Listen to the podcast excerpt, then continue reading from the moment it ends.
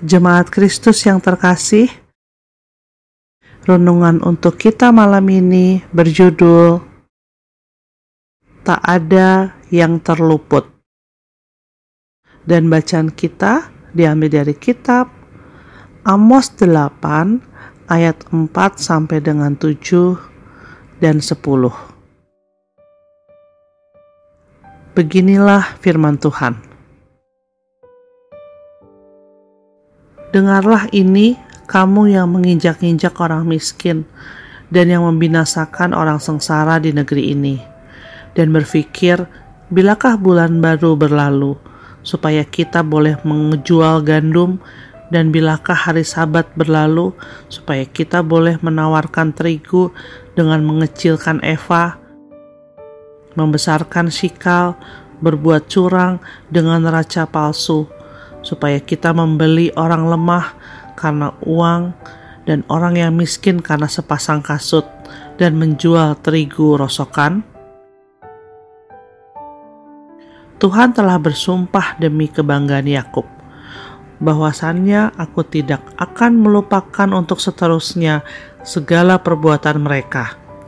Aku akan mengubah perayaan-perayaanmu menjadi perkabungan dan segala nyanyianmu menjadi ratapan. Aku akan mengenakan kain kabung pada setiap pinggang dan menjadikan gundul setiap kepala. Aku akan membuatnya sebagai perkabungan karena kematian anak tunggal, sehingga akhirnya menjadi seperti hari yang pahit pedih.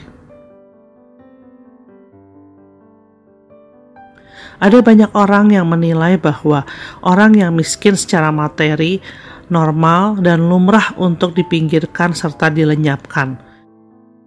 Kita melihat bagaimana banyak orang bertindak seenaknya dengan orang yang meminta-minta. Tidak menghargai seseorang yang berusaha mencari nafkah hanya demi sesuap nasi, cenderung meremehkan dan merendahkan.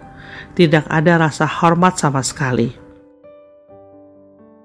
dan di saat yang sama bisa menunjukkan sisi lemah lembut dan luar biasa bila berhadapan dengan orang-orang yang memiliki kuasa dan kekayaan. Orang akan berlomba untuk mendapatkan perhatian dari pribadi yang dipandang memiliki segalanya.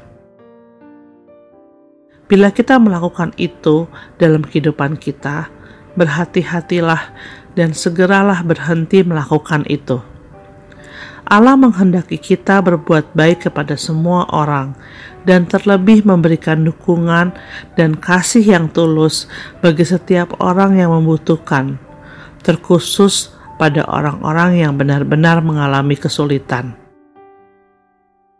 Sebaliknya, bila kita adalah orang-orang yang memang membutuhkan bantuan dari orang lain, jangan sekali-sekali memanfaatkan ayat semacam ini untuk mencari keuntungan semata dan menjual kesusahan kita demi keuntungan sesaat.